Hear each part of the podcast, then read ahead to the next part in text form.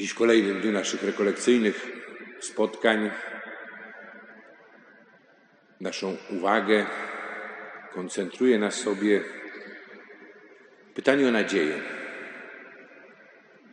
Papież Franciszek y, drugą część swojego orędzia na Wielki Post poświęconą właśnie nadziei zatytułował Nadzieja jako żywa woda, która pozwala nam kontynuować naszą podróż i odwołuje się do spotkania Jezusa z Samarytanką przy studni, którą Jezus prosi, aby dała mu się napić. I nie pojmuje, kiedy Jezus mówi jej o tym, że On może jej ofiarować wodę żywą. Dzisiejsza liturgia słowa także mówi o wodzie. Ta woda, która wypływa ze świątyni i niesie życie. Bo woda oznacza życie, bo woda jest oczyszczeniem, bo woda niesie uzdrowienie, obmywa z brudu, obmywa i leczy nasze rany. I taka jest wizja proroka Ezechiela. Wizja wody, potoku, rzeki, która wypływa ze świątyni w kierunku stepów i niesie uzdrowienie i ożywienie niesie życie tam, gdzie panowała śmierć. I to jest obraz, który do nas przemawia. Ale tak jak papież Franciszek w swoim przesłaniu zauważa, że dzisiaj w tych okolicznościach, jakie przychodzi nam przeżywać, kiedy doświadczamy niepokoju, kiedy wszystko wydaje się kruche, niepewne, to mówienie o nadziei może być potraktowane jako prowokacja. Podobnie ten obraz, jaki roztacza przed naszymi oczyma e, prorok Ezechiel. Bo czy nie jest tak, że chrześcijaństwo, które przez wieki było źródłem ożywienia, przez y, które właśnie płynął, albo które było tą wodą, która płynęła od świątyni i niosła życie, niosła oczyszczenie, niosła uzdrowienie, teraz e, zaczyna wysychać. I niegdyś e, wielka rzeka i rwący potok stają się ledwo płynącą stróżką. To jest obraz, który mamy dzisiaj, kiedy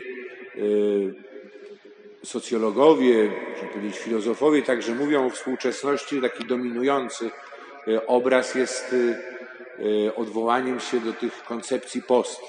Jak mówimy o postnowoczesności, postmetafizyce, postprawdzie, mówi się też bardzo głośno i także i w kręgach chrześcijańskich o postchrześcijaństwie. Czyli, że żylibyśmy według tych koncepcji w takim czasie, który jest e, czasem umierającego, gasnącego e, chrześcijaństwa, e, które już nie daje życia, które nie ma w sobie nawet na tyle życia, żeby zapewnić przetrwanie, a te wszystkie oznaki, jakie są, to bardziej można postrzegać w kategoriach, nie wiem, pewnego rodzaju folkloru, który mógłby być zamknięty i przechowany w jakimś skansenie. Takie jest myślenie o chrześcijaństwie. Z drugiej strony jest też przecież wielu, którzy znajdują w sobie dość siły, żeby się temu przeciwstawić, żeby stanąć do walki. Tylko pytanie jest tak naprawdę, czy o to chodzi? Czy chodzi o coś zupełnie innego? I czy my nie mylimy się, myśląc w taki sposób o świecie, o naszej kulturze i o chrześcijaństwie? Bo możliwe jest także zupełnie inne spojrzenie. I to, do czego wzywa papież Franciszek, wzywa w e, tej swojej długiej rozmowie, wywiadzie rzece właśnie z Austinem Ajweridżem, e, odważmy się marzyć, czy powrócić do marzeń, e, kiedy mówi właśnie o znaczeniu umiejętności rozeznawania duchowego. Żeby wiedzieć, jakie myśli, jakie idee od kogo pochodzą, i żeby uczyć się patrzeć na moje własne życie, na rzeczywistość, która mnie otacza i na świat oczyma Pana Boga, czyli patrzeć tak, jak widzi to Pan. I może się okazać, że on widzi to zupełnie inaczej. Nie w takich barwach pesymistycznych, ale wręcz przeciwnie. Święty Jan Paweł II na przełomie tysiącleci, wcale nie tak dawno, w encyklice Redemptoris Missio pisał takie słowa. Gdy patrzymy na dzisiejszy świat powierzchownie, uderzają nas liczne fakty negatywne i możemy popaść w pokusę pesymizmu. Jest to jednak wrażenie nieuzasadnione. Wierzymy przecież w Boga, Ojca i Pana, w Jego dobroć i miłosierdzie. Na progu trzeciego tysiąclecia odkupienia Bóg przygotowuje wielką wiosnę chrześcijaństwa, której początek można już dostrzec. Rzeczywiście, zarówno w świecie niechrześcijańskim, jak i tam, gdzie chrześcijaństwo istnieje od dawna, dokonuje się stopniowe zbliżenie ludów do ideałów i wartości ewangelicznych, któremu Kościół pragnie służyć. Dzisiaj faktycznie zaznacza się nowa zgodność ludów co do tych wartości. Odrzucenie przemocy i wojny, poszanowanie dla osoby ludzkiej i praw, pragnienie wolności, sprawiedliwości i braterstwa, dążenie do przezwyciężania rasizmów i nacjonalizmów, wzrost poczucia godności oraz dowartościowanie kobiety. Nadzieja chrześcijańska wspiera nas w głębokim zaangażowaniu się w nową ewangelizację i w misję powszechną. Nakłania nas do modlitwy, której nas nauczył Jezus Chrystus. Przyjdź królestwo Twoje, bądź wola Twoja jako w niebie, tak i na ziemi. I to jest pytanie, które staje przed nami. Postchrześcijaństwo, koniec, śmierć chrześcijaństwa, czy tak naprawdę dopiero zapowiedź nowej wiosny? Czy Jan Paweł II uległ pozorom i się mylił? Czy potrafił zobaczyć i odczytać to, co dla wielu z nas jest y, zakryte? To jest wezwanie do tego, abyśmy odkryli radość.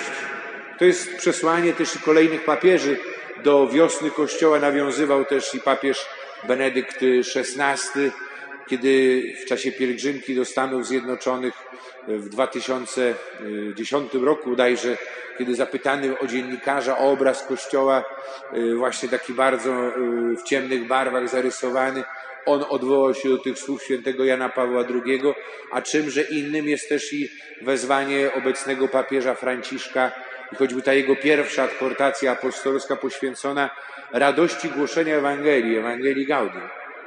Potrzeba nam takiego entuzjazmu i takiej radości. I paradoksalnie ten bardzo trudny czas, jaki przeżywamy, on może być dla nas czasem błogosławionym. Czasem odkrycia y, fundamentu tej radości, tej nadziei, jaka jest nie gdzie indziej, tylko w osobie naszego Pana Jezusa Chrystusa. Papież Franciszek w cytowanym już przesłaniu, do którego Was lektury osobistej zachęcałem, mówi tak. Jezus mówi nam o przyszłości otwartej na oścież przez miłosierdzie Ojca.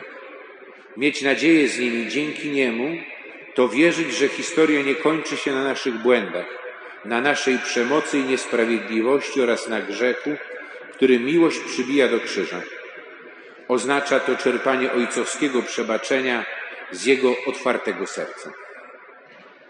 I pamiętajmy, nadzieja to nie jest to samo co tęsknota, bo tęsknota to jest zwrócenie się ku przeszłości, ku czemuś, co żyje w naszej pamięci, y, o czym myśl napełnia nas y, radością, dotyka naszego serca, do czego być może chętnie byśmy wrócili, ale co jest już za nami. A nadzieja jest skierowana ku przyszłości. I nie chodzi o to, jak wielu próbuje ratować się w tym y, trudnym czasie, właśnie szukając nadziei w przeszłości, w tym, co było.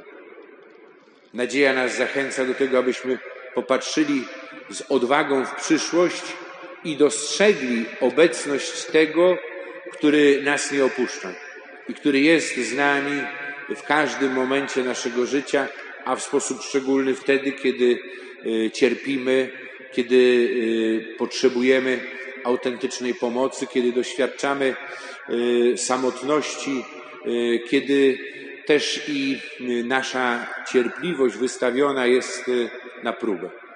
to taka sytuacja jak przedstawiona w dzisiejszej Ewangelii, bo zobaczcie, ten człowiek, który 38 lat spędził pozostając na brzegu sadzawki owczej, licząc na to, że w końcu uda mu się e, doznać uzdrowienia. A może nawet już i nie licząc na nic i godząc się z tym swoim stanem, bo przecież jeśli przez tyle lat to się nie udało, to jaki powód miałby sprawić, żeby to nagle coś się zmieniło. I z taką rezygnacją właściwie trwa tam na pograniczu życia i śmierci. I to jest obraz człowieka chorego, ale to jest też i obraz człowieka, który przyzwyczaił się i pogodził niejako e, ze stanem zła. E, to jest tak, jak my mówimy. No, świat ma swoje prawa, życie ma swoje prawa, no nie da się inaczej. E, musimy jakoś funkcjonować i żyć w tym świecie i bardzo łatwo się poddajemy i wtedy rzeczywiście naszemu życiu brakuje, brakuje tej iskry, tego płomienia, brakuje tej wewnętrznej radości i ta nasza nadzieja się rzeczywiście zdaje wypalać e, i ten płomień gasnąć. Ale jednocześnie ten człowiek tam trwa, czyli jakaś nadzieja w nim jest, że to nie wszystko zostało przegrane, że jest gdzieś tam jakaś iskierka, która cały czas się E, tli i nie pozwala mu się poddać do końca. Tyle, że ten człowiek jest jakby silnie związany też i z konkretną wizją tego, w jaki sposób może być uzdrowiony, może być uleczony. A teraz przychodzi Jezus i on Jezusa nie rozpoznaje, on go nie zna. I on nie liczy na nic od Jezusa, bo on potrzebuje człowieka, który by go wprowadził do sadzawki wtedy, kiedy woda zostanie poruszona przez anioła i wtedy tak jak wierzono, pierwszy, który wejdzie do tej wody, zostanie uleczony. I jemu, ponieważ nie miał nikogo obok siebie, e, to nigdy się to nie udawało jako pierwszemu dotrzeć do tej sadzawki. A Jezus widzi jego serce, on widzi jego ból, on zna całą jego historię i zadaje mu tylko jedno proste pytanie, a mianowicie pyta się go, czy chcesz stać się zdrowym? I to jest pytanie, które stawia mi dzisiaj i nam jako wspólnocie. Czy chcesz, czy chcesz stać się zdrowym? Jeśli tak, to weź swoje łoże i chodź. Weź to, do czego byłeś przykuty, ale teraz pokaż i to jest też i zwycięstwo nad czym? Nad y, takim formalizmem religijnym, bo zobaczmy, co się dzieje, bo Jezus w ten sposób też prowokuje. Tak jak papież pytając się dzisiaj o nadzieję, y, w jakim sensie jest prowokatorem, w taki sam sposób Jezus prowokuje. Dlaczego? Bo uzdrawia tego człowieka akurat w sabat. W szabat. Szabat, który skądinąd jest pamiątką tego dnia, kiedy na zakończenie stworzenia Pan Bóg odpoczywał. Ten, który stworzył świat i przede wszystkim człowieka z miłości do miłości, ale szabat też dla Żydów był pamiątką wyzwolenia z niewoli, z Egiptu. Tyle, że potem formalizm religijny sprawił, że e, to świętowanie obwarowano takimi przepisami, że nawet lekarz nie mógł udać się z pomocą do chorego, bo inaczej złamałby prawo szabatu. I teraz Jezus pokazuje, Jezus nie burzy naszych zwyczajów, tradycji religijnej. Nie, to nie o to chodzi. Tylko chodzi o to, abyśmy potrafili dostrzec, co jest istotą tych wszystkich obrzędów, naszych modlitw. Miłość Boga do nas i miłość, która staje się też i naszym udziałem. Jeśli w tym nie ma miłości, to w tym nie ma życia. I można całe życie, 38 lat albo i więcej, spędzić na modlitwie i nie doświadczyć niczego dobrego. Bo chodzi o to, abyśmy dostrzegli Jezusa, który jest z nami. I On nas uzdrawia nie na podstawie naszych zasług, tylko dlatego, że my tego potrzebujemy bo On widzi nasze cierpienie, nasz lęk. I On przychodzi do nas. I Jego obecność, ona ożywia też i wspólnotę Kościoła, bo tu o to chodzi. Ale to jest kluczowe. I to, co czyni Jezus przede wszystkim, to uwalnia nas od lęku przed śmiercią. Bo ci, którzy mówią o postchrześcijaństwie, mówią też i o kulturze, o cywilizacji postmortalnej, czyli jakby po śmierci. My śmierć y, usiłujemy wyeliminować z naszego życia, ponieważ nie uda się nam jej przezwyciężyć, y, to chcielibyśmy usunąć y, jakiekolwiek ślady jej obecności gdzieś tam na margines. Uciekamy przed śmiercią, uciekamy przed myślą o tym, że kiedyś i my umrzemy, boimy się ludzi, którzy cierpią, umierają. Być może też i to doświadczenie pandemii, kiedy zostaliśmy wstrząśnięci, bo ja myślę, nie wiem, dla mnie najbardziej bolesne doświadczenie to było celebrowanie pogrzebu wtedy, kiedy tylko pięć osób mogło być w kościele. Kiedy nawet najbliżsi osoby zmarłej nie mogli być obecni w kościele, a jeszcze bardziej, kiedy rodziny opowiadały o tym, jak umierali ich bliscy w szpitalu y, covidowym, gdzie nikt z bliskich nie mógł być do nich dopuszczony, kiedy umierali w całkowitej samotności. I jedyne y, osoby, z którymi mogły się spotkać, były ubrane w kombinezony ochronne, tak jak kosmici. Było w tym coś tak nieludzkiego, że ten ból stawał się bólem każdego, kto jakby miał cokolwiek do czynienia z tą osobą i z tymi ludźmi. Ale z drugiej strony, przecież bez pandemii ilu ludzi umiera w całkowitej samotności? Ilu ludzi y, oddawanych jest do szpitala? Może nie dlatego, że ich dzieci, że bliscy chcą się ich pozbyć, tylko że nie chcą przyjąć i zaakceptować tego, że przychodzi w życiu człowieka taki moment, kiedy przechodzi na tamtą stronę. Jest to moment przejścia. I my nie chcemy tego przyjąć. I tak jak celebrujemy narodziny, tak brakuje nas przy osobie kochanej wtedy, kiedy przeżywa ten drugi kluczowy moment dla swojego życia. I śmierć. Śmierć, która oczywiście, że y, napełnia grozą. Ale Pan pozwala nam ten lęk przezwyciężyć, choćby nikt z nas nie wie, jak do końca to jest, ponieważ nikt z nas do końca śmierci nie przeżył. Mamy doświadczenie śmierci wtedy, kiedy towarzyszyliśmy y, umieraniu i śmierci osób kochanych przez nas. To jest ta śmierć, która nas najbardziej dotyka, która pozwala jakby to przeżyć, ale odchodzi się tak czy inaczej w samotności i my wierzymy, że człowiek nie jest sam, bo jest z nim właśnie kto? Jezus Chrystus. I trzeba o tym przypominać mówić jasno i wyraźnie. Też, że Kościół y, daje pomoc na te chwile, na te momenty, choć coraz mniej osób z różnych powodów z tej pomocy korzysta. I tą pomocą nie jest namaszczenie chorych. Kiedyś wcześniej mówiono ostatnie namaszczenie. Ja to rozumiem. To jest tak, jak pamiętam w Hiszpanii, w mojej Nawarze, y, gdzie studiowałem, ale też i pracowałem duszpastersko i byłem kiedyś poproszony do starego takiego pasterza, baska, górala, do szałasu y, i udzielałem mu też i sakramentu chorych, ale tłumaczyłem, mówi, że to jest sakrament dla żywych, a nie dla umarłych, bo y, sens i cel sakramentu chorych jest taki, że y, osoba chora doświadcza właśnie szczególnej bliskości, łączności z Jezusem Chrystusem, tym, który uzdrawia, ale tym też, który cierpi, który nadaje też i sens naszemu cierpieniu, sens zbawczy, a nie jest to sakrament umierających.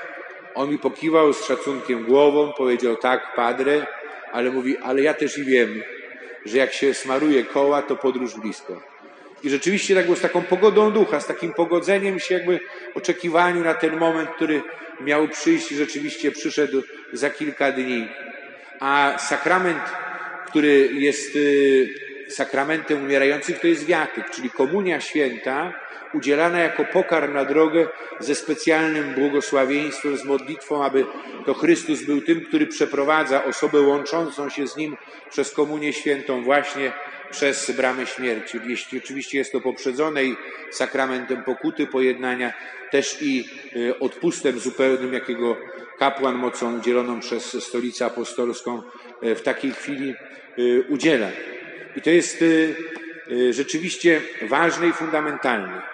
I potrzeba, ja myślę, nam właśnie, i tu jest taka tęsknota za tym, jak kiedyś y, ludzie umierali, odchodzili y, i jakim szczęśliwymi są ci, którzy w ten sposób mogą pożegnać się ze swoimi bliskimi i ze swoim życiem. Ja ostatnio też miałem y, taką historię, towarzysząc właśnie mamy jednego z moich parafian, która przyjechała właściwie już Ostatnie miało to być krótko, a żyła jeszcze ponad pół roku, ale przyjechała świadoma swojego stanu zdrowia, nie mogąc już samemu zadbać o siebie, ale to właśnie było tak bardzo po Bożemu. Trochę tak jak ja też, jak już o Hiszpanii zacząłem mówić, dla mnie takim odkryciem, bo tego wcześniej nie przeżyłem. Nie przeżyłem też w Polsce, kiedy przez rok pracowałem jako wikariusz po seminarium przed studiami.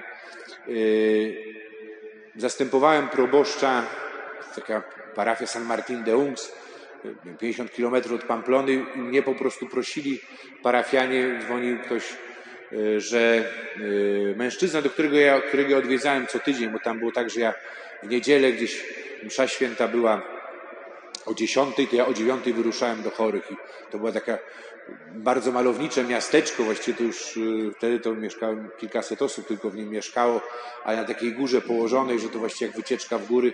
Ja z komunią świętą do wszystkich starszych chorych szedłem. W dwie godziny obchodziłem właśnie te domy. No i jeden z tych moich podopiecznych Okazało się, że umiera, lekarz nie dał już szans, powiedział, że po prostu do rana nie doczeka. I do mnie dzwonili jego najbliżsi, mówiąc, ale jeśli ty nie możesz, to poprosiłem proboszcza sąsiedniej parafii. Oczywiście, że mogłem, zaraz tam pojechałem i, i y, przygotowałem go na śmierć.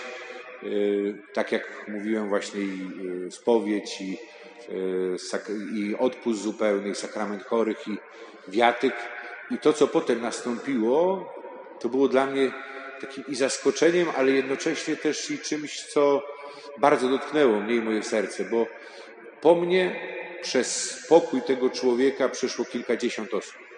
Czyli prawie jedna czwarta mieszkańców miejscowości. To byli sąsiedzi, członkowie rodziny, bo kiedy rozeszła się wieść, że on umiera, to przychodzili się pożegnać właściwie wszyscy starsi mieszkańcy miejscowości. I z jednymi miało więzi lepsze, z innymi gorsze. Jak to wszędzie bywa, jak to w sąsiedztwie. Ale przychodzili, przepraszali się wzajemnie, wybaczali się i życzyli sobie do zobaczenia. I to było dla mnie coś niepojętego. Ja czegoś takiego nie przeżyłem. Bardziej wychowany już w takiej atmosferze, że o śmierci raczej się nie mówi, tego tematu się unika. A tam z taką otwartością i jasnością, bez jakiejś takiej, bym powiedział, obłudy, a w szczerości. I był to moment właśnie pojednania. I zobaczcie, święty Ignacy Loyola na przykład w swoich ćwiczeniach duchownych zaleca odprawienie medytacji o śmierci, o swojej własnej śmierci, żeby sobie swoją własną śmierć wyobrazić. Mówi się, że samo myślenie o śmierci, ono sprawia, że my żyjemy na zupełnie innym poziomie też i życia duchowego. Ale dlaczego takie myślenie jest ważne? Nie o to chodzi, żeby się oswoić z myślą o śmierci, tylko żeby zobaczyć, tak naprawdę warte w naszym życiu i ma swoją wartość jest to, co przechodzi próbę śmierci. I w różnych sytuacjach trudnych, kiedy też mamy problem z podjęciem decyzji konfliktowych, może nieraz warto pomyśleć właśnie, a gdybym ja dzisiaj miał umrzeć, gdybym ja był na łożu śmierci, to czy taką samą decyzję bym podjął?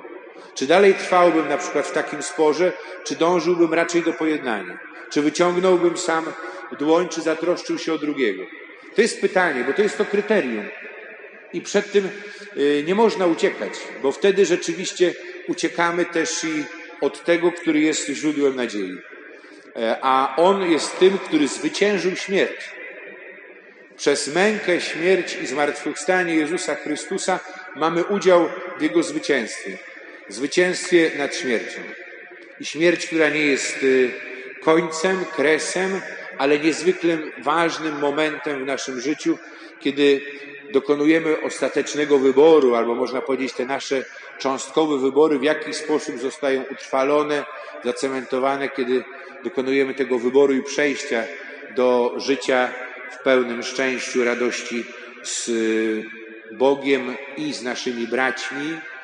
Ewentualnie jest zawsze też i ta druga opcja, ale Pan jest tym, który wychodzi naprzeciw naszym smutkom, który wyciąga do nas pomocną dłoń, zwłaszcza w takich sytuacjach, kiedy nasza nadzieja jest poddawana próbie.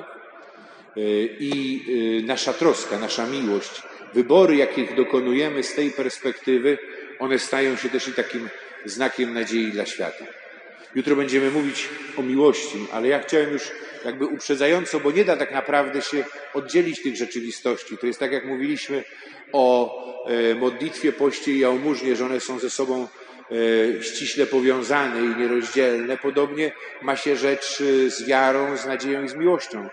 To jest tak naprawdę jedna rzeczywistość naszego życia, a nie jakieś trzy różne formy. W mojej parafii przeżywaliśmy bardzo też i chorobę ojca Tomasza Franciszkanina, który pochodzi z Włocławka, ale jego mama, siostra e, razem z, z mężem i dziećmi mieszkają u nas w parafii, także Tomek jest praktycznie naszym parafianinem, kiedy tylko może, kiedy przyjeżdża do domu, jest też i w parafii, ludzie go znają i głosił rekolekcje i jednokrotnie też i pomagał e, duszpastersko. I został dotknięty COVID-em, pracuje na co dzień w Warszawie. E, I zachorował właśnie na COVID, ale w taki sposób, że lekarze nie dawali mu praktycznie żadnej szansy. Dwa razy pod respiratorem, za drugim razem jeszcze udała się w to sepsa. On leżał e, w klinice MSWiA w Warszawie. E, właściwie rodzinę przygotowano na to, żeby byli już gotowi e, na, na śmierć po prostu, bo szans za bardzo wielkich nie ma. Przeżywali to bardzo. Jeszcze do tego to jest ten ból nasz, bo rodzina mama mieszkająca jakby w drugiej części domu, mająca oddzielne wejście, Tomek tam też ma i swój pokój, ale ponieważ teraz jej córka razem z zięciem no, czynni zawodowo, w związku z tym, że broń może mamy nie zarazić, to się ze sobą absolutnie nie kontaktowali, tylko telefonicznie i oni tam zanosili posiłki, ale w ogóle fizycznego kontaktu, bliskości nie było. I to jest coś strasznego i teraz ona to przeżywała w samotności, oni też y, cały czas y, i my w parafii codziennie się za Tomka modliliśmy. E, ci jego bliscy też uczestniczyli, zwłaszcza w niedzielę, kiedy jest też i transmisja internetowa z Sumy i wtedy też i o nim pamiętaliśmy. No i stał się cud. I on przeżył, wyszedł z tego. W ten czwartek właśnie wracał do Warszawy po długiej rehabilitacji właśnie w swoim domu rodzinnym. Dużo by o tym opowiadać i też i o tym doświadczeniu śmierci, bo on był przekonany, że umarł. Y, taką miał wizję właśnie wtedy, kiedy był pod respiratorem, ale wcześniej przeżył y, fikcyjną, ale dla niego prawdziwą śmierć swojej mamy, którą miał zarazić koronawirusem. Rodzina miała się go wyrzec. On to strasznie przeżywał i pierwszy raz, kiedy właściwie y, po wybudzeniu rozmawiał telefonicznie ze swoją siostrą po 20 minutach, mówi, wiesz, Agata z taką niepewnością w głosie, ale ty wiesz, że ja nie żyję. I ona się rozpłakała, mówi, ale ja żyję, jestem stuprocentowo pewna, że żyję. I on jak się ucieszył, mówi, że szkoda, że mama tego nie dożyła. I mama jest tutaj obok, chce z nią porozmawiać. I on się tego uczył na nowo i wiele innych rzeczy, natomiast też i do mnie mówi taki wstrząśnięty, mówi, że to życie nie jest takie, jak było. I on takie już być nie może. Że on musi sobie jakoś to poukładać, bo to, czego doświadczył, a całkowicie zmieniło jego perspektywę. Jego myślenie o dziś i o jutro. A z drugiej strony, Właśnie rozmawiałem, dzwoniła i mama jego do mnie, rozmawialiśmy przez telefon e, z Rafałem, ze szwagrem więcej czasu e, i, on powiedział mi coś takiego, że w kościele, że dzisiaj e, różnie się mówi o kościele, bardzo często źle, krytycznie, często też i nawet niesprawiedliwie. Mówi, i tak jest też u niego w pracy. Ale mówi, kiedy pojawia się temat kościoła, to on w tej chwili mówi o, o swojej parafii o tym, czego oni doświadczyli, jakiego wsparcia doznali e, i mówi, i wtedy wszyscy milkną. I nikt już złego słowa o Kościele nie mówi. Bo to jest ta tajemnica, to jest tajemnica miłości, to jest troski wzajemnej o siebie, e, która ma swoje źródło w doświadczeniu właśnie e, miłości Pana Boga do nas, która sprawia, że z tej świątyni, którą my jesteśmy, wypływa rzeczywiście ta ożywcza woda. I ta woda nie jest tylko dla nas, ale jest to woda, która płynie w świat po to, aby dać życie tam, gdzie jest śmierć, aby oczyścić to, co e, brudne, aby uleczyć to, co chore. Prośmy w tej Eucharystii Pana o to, aby dotknął naszych serc, abyśmy mogli usłyszeć i odpowiedzieć na to pytanie, które stawia dziś każdemu z nas i naszej wspólnocie. Czy chcesz stać się zdrowym?